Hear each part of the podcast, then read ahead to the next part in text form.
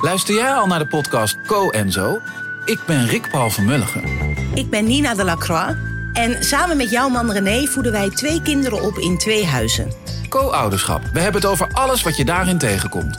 Maar ook over de juice tijdens onze kinderloze dagen, want die heb je ook in het co-ouderschap. Een podcast voor alle ouders in alle vormen, maar ook voor alle mensen zonder kinderen. Zijn we eerlijk, heerlijk herkenbaar. Dus luister naar Co en Zo in je favoriete podcast-app.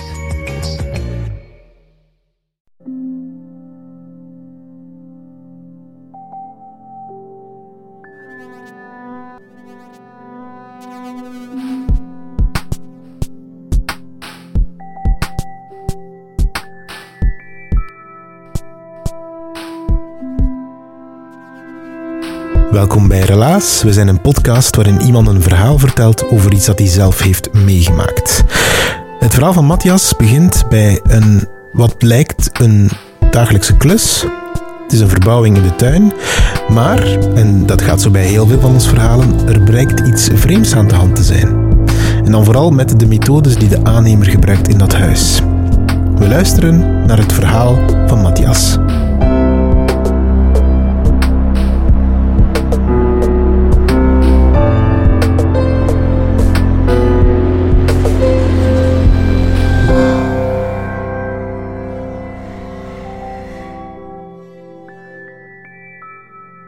Je hebt in het noorden van Ecuador, in de Andes, de vulkaan Imbabura staan. Dat is een slapende vulkaan, dat is een mooie vulkaan. Die heeft uh, heel uh, dorre, bruinig, met gras begroeide hellingen. En daarboven een stuk steiler de rotsgekrater. Rondom de vulkaan liggen hoge bergen. Um, en tussen de bergen in vaak heel grote, chique wolken. En erboven een staalblauwe hemel. Op die vulkaan ligt het dorpje San Antonio. Daar was ik. Waarom was ik daar? Wel, ik had er voordien, uh, jaren voordien, in 2005, een jaar gewoond. Ik was toen daar op uitwisseling met de organisatie YFU. En ik volgde daar school, op een uh, gewone school vandaar. En ik woonde bij mijn familie, mijn Ecuadoriaanse familie. Ik durf zeggen mijn familie daar, want na dat jaar was het echt een tweede familie geworden. Dat waren uh, Hugo, mijn gastvader, een wat oudere, stevig gebouwde schrijnwerker met uh, een snor en een bootje op zijn arm staan. Gloria, een wat strenge, hardwerkende gastmoeder. Uh, Cathy, een zus van mijn leeftijd. En Leo, mijn kleinere broertje. Die uitwisseling was al jaren geleden en in 2013 stond ik opnieuw in San Antonio bij mijn familie heel blij om terug te zijn en mijn familie terug te zien. Maar het ging niet zo goed met hen. Uh, financieel waren er problemen. Mijn gastbroer had een auto-ongeluk veroorzaakt, moest daarvoor nog veel betalen. Qua gezondheid ging het met mijn ouders achteruit. Het ging niet denderend. Mijn verblijf was heel leuk. Ik uh, deed wat je zou denken dat je in zo'n maand doet. Ik bezocht oude vrienden, ik uh, bezocht andere familieleden. Ik bezocht mijn school, de zusters van mijn school. Alles ging goed. Tot dan op een middag mijn gastmoeder mij vroeg: Matthias, kan je over enkele dagen helpen met een watertank in de tuin te graven? Helpen wilde ik wel, geen probleem. Maar de opzet leek me vreemd. Nu is het zo, in San Antonio is er niet altijd stromend water. Dus, in die zin, logisch, hebben heel veel mensen watertanks op hun dak staan. Uh, wanneer er geen water is, Laat je dan gewoon water uit die tank naar beneden lopen met zwaartekracht. Werkt goed. Mijn familie was dus van plan om blijkbaar een tank in de grond te graven. En dat vond ik niet logisch. Ik vroeg ernaar, waarom in de grond? Dat is toch niet logisch? Maar dan zeiden ze, valt wel mee. Uh, ja, nu is geen probleem, dat wordt wel vaker gedaan. Dan heb je een pomp in zo nodig? Nee, dat valt wel mee, een pomp, dat, dat is niet goedkoop, dat, dat valt wel mee, dat zal wel gaan. Eigenlijk ontweek ze de vraag. En de volgende dagen werd het niet beter. Ze bereidden niks voor. Ze kochten niks aan. Ze wisten niet goed hoe ze de werking aanpakken. Mijn gastbroer zei mij enkele dagen voordien, uh, Matthias, zodra we op de dag van de werken wordt een hele dag hard werken. Goed, kan ik aan, ik ben een gezonde jongeman. Enkele dagen nadien, uh, Matthias, uh, een hele dag werken. En zodra we begonnen zijn, mag je niet meer stoppen en mogen het huis niet binnen tot het werk gedaan is Dat was wel heel specifiek. Dan bleek ook dat er een eh, vakman, een maestro, zoals zij noemen, dat betekent vakman, zou komen om de werk te leiden. En dat vond ik ook vreemd, want normaal zijn zij een beetje doet-zelvers, doen alles zelf. Maar goed, ik ben van nature een heel vertrouwend persoon. Ik stel me niet te veel vragen. Totdat mijn gastmoeder zei, enkele dagen voordien, uh, ja, zodra de werken begonnen zijn, ga ik binnen huis. Ik kom niet meer buiten. Zelfs niet kijken tot de werken gedaan zijn. En toen dacht ik toch, ja, dit klopt niet. Ze vertellen mij iets niet. Dit verhaal klopt niet, ze houden iets achter. Wat, weet ik niet. Wat ik ervan moest denken, wist ik ook niet. Het was ook wel duidelijk dat ik niet zou weten komen wat we zouden doen tot de dag van de werken. Dus ik dacht, goed, we wachten af, al keek ik er niet naar uit eigenlijk. Toen kwam dus de dag van de werken. Wij hadden s morgens ontbijt. Mijn gastmoeder maakte thee van denapelen. Dat was haar blijkbaar gevraagd door de vakman, de maestro. Ik had mij nog nooit thee van denapelen ingebeeld, maar dat was best drinkbaar, vreemd genoeg. Daarmee was haar taak gedaan en zoals ze zei, zij ging naar binnen en kwam niet meer buiten. Mijn zus was de hele dag weg, er waren dus geen vrouwen aanwezig. Toen kwam de maestro. Ik afwachtend. Ik had hem nog nooit gezien, nog nooit van hem gehoord. Hij had een snor, uh, wat ouder, had een houthakkershemd aan. Normaal genoeg. Hij leek me wat vreemd en dat werd niet beter toen hij begon. Hoe ging hij de plaats van put bepalen? Met de vier stokjes. Hij had die uit een uh, doekje gerold. Uh, hij hield er twee vast en twee werden door iemand anders vastgehouden. De stokjes tegen elkaar aanhouden. En het systeem was als de stokjes naar links leunen, want ja, je oefent onbewust kracht uit op je stokjes, dan moesten we naar links opschuiven. Als ze naar rechts leunen, moeten we naar rechts opschuiven. Tot de stokjes naar beneden leunen, dat is de plaats. Ik mocht even meewerken aan het lokaliseren. Ik hield mijn stokjes vast tegenover de vakman, maar het was me meteen duidelijk dat hij gewoon duwde. Dat was helemaal niet toevallig. Hij duwde naar links, hij duwde naar rechts. Dus ik vond ook geen toeval dat we uiteindelijk op een mooie plaats terechtkwamen, pal onder de avocadoboom. Goed, locatie bepaald. Dan de voorbereidingen. Uh, ik heb dat niet over materiaal aanbrengen, cement aanbrengen, puinzakken aanbrengen. Nee, daar moest ten eerste een kaars branden bij de put. Uh, ik dacht, voort, mijn familie legt mij niets uit. Ik vraag het de maestro. Die kaars. Waarom? En hij legde uit wel, als je een put in de grond graaft, kunnen daar kwade geesten uitkomen. Uh, als daar een kaars brandt, dan gaan de geesten naar de kaars en niet naar de werkers. Veiligheid. Verder moesten we allemaal een lookteentje in onze mond houden en de hele tijd op blijven kauwen. Dat kon ik plaatsen. Logisch eigenlijk. Look tegen vampieren, kwade geesten, check. Een lookteentje klinkt vies, maar eigenlijk werkt het goed als snoepje. De combinatie met dan de brokken kandijsuiker die we ook moesten eten, die was minder geslaagd. Dus wij hadden thee van denappelen, look, uh, suiker en er was alcohol nodig. Waarom? Vroeg ik al niet meer. Maar daarvoor gebruikten we de Filiers uh, jonge graangenever, die ik van België had meegebracht voor mijn familie. Dat leek wel een goede gelegenheid om die aan te slaan. Goed, alle maatregelen voor de veiligheid waren genomen. We konden beginnen graven. Hoe deden we dat? Telkens twee man in de put. Eén met de houweel, één met de schop. Twee man aan het rusten. Um, dat was een goed tempo, want dit was zwaar werk. Serieus, veel zand scheppen, uh, die zware houweel telkens in de grond kappen. Op die hoogte ook.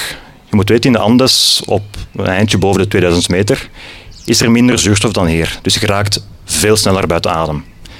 Maar ik wou niet onderdoen voor de locals, dus tanden buiten en doorzetten.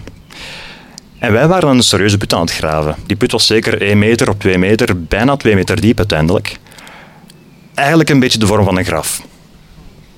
Dacht ik nog niet aan. Trouwens, die kaars moest meedalen. Dus telkens we wat dieper waren gekomen, moesten we een niche in de wand van de put graven en de kaars daarin steken voor de veiligheid. Dus wij waren daar een hele dag hard aan het werk. Onder de avocadoboom met de vulkaan op de achtergrond, een put aan het graven in de vorm van een graf. Aan het verhaal van die watertank was ik al serieus aan het twijfelen intussen.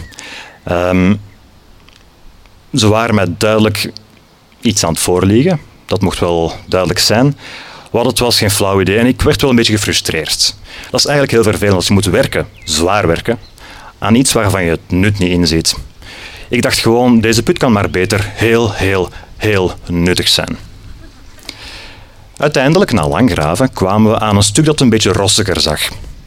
Dat heb je als wat dieper kom je soms van die roodachtige grond. De maestro was al een paar keer in de put gesprongen om te kijken, uh, weet ik veel wat. Toen we aan die rossige grond kwamen, signaal diep genoeg. Oef. Maar toen begon het pas. We moesten allemaal een mondvol van mijn Genever nemen en die uitspuwen in de put.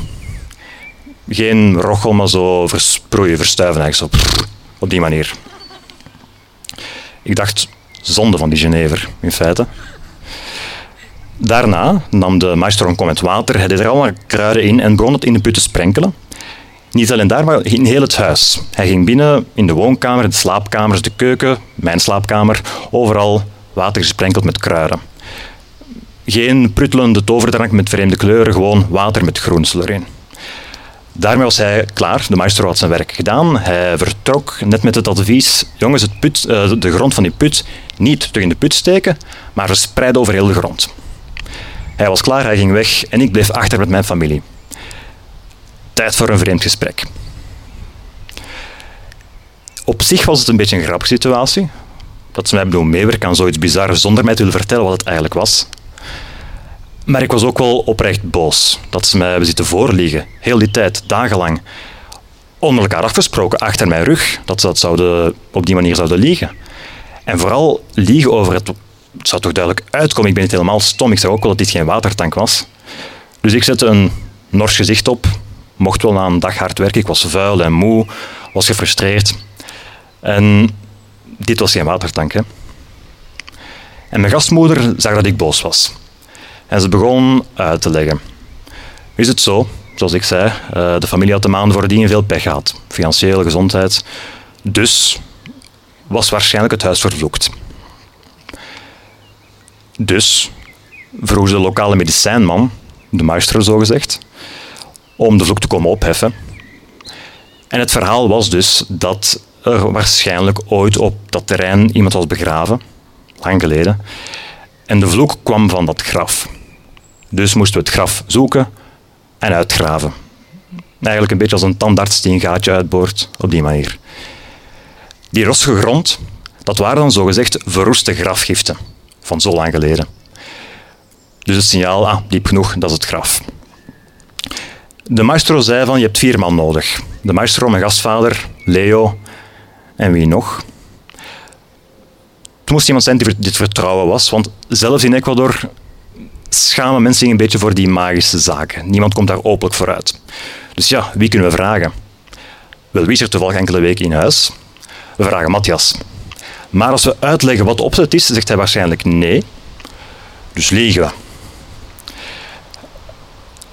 Ik was niet blij, maar goed, we konden de zaak uitpraten. Uh, na enkele dagen was de lucht geklaard.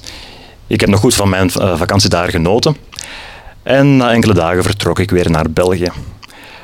Dat is al en, enkele jaren geleden. Ik hoop volgend jaar terug te kunnen gaan en ik ben heel, heel benieuwd wat er met die put gaat zijn gebeurd.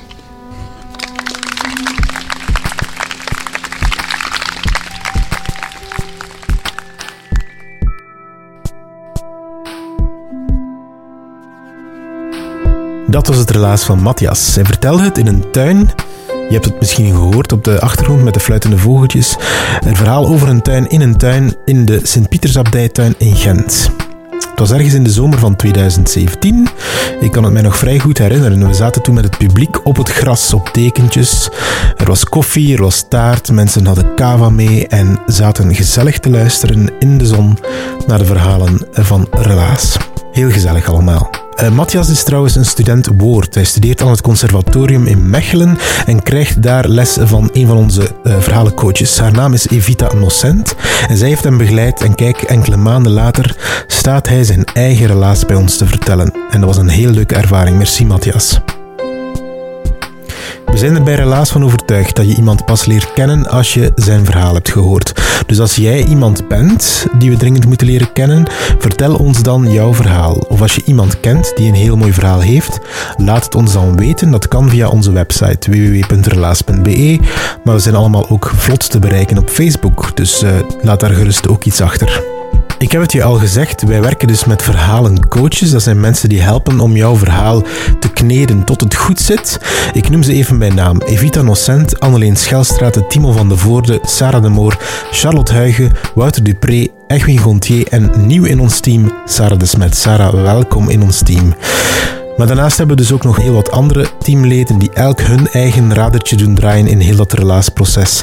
Dieter van Huffel, Ruby Bernabeu Plaus, Stefan Gruijaert, Sarah Latré, Philip Cox, Marleen Michels, Katlijn de Vries, Steve Konar en ikzelf ben uh, Pieter Blomme. Je kan onze verhalen blijven volgen en meer nog, uh, als je ons in het nieuwe jaar één pleziertje uh, wil doen, Laat het dan zijn dat jij een verhaal van ons doorstuurt naar iemand anders. Dus als je dit verhaal net gehoord hebt en je denkt van, ah, dat doet mij denken aan die persoon, please, stuur het door met een klein kattenbelletje. Het is misschien iemand die al lang niet meer gehoord of gezien hebt.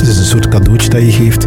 Maar als jij dat cadeautje aan die andere persoon geeft, dan doe je ons eigenlijk ook een plezier. Want wij krijgen dan een luisteraar bij. En als iedereen dat doet, zijn we in plaats van met 2000, met 4000 in één keer. Dus dan gebeurt er iets magisch. Dankjewel om dat te doen en tot de volgende relaas.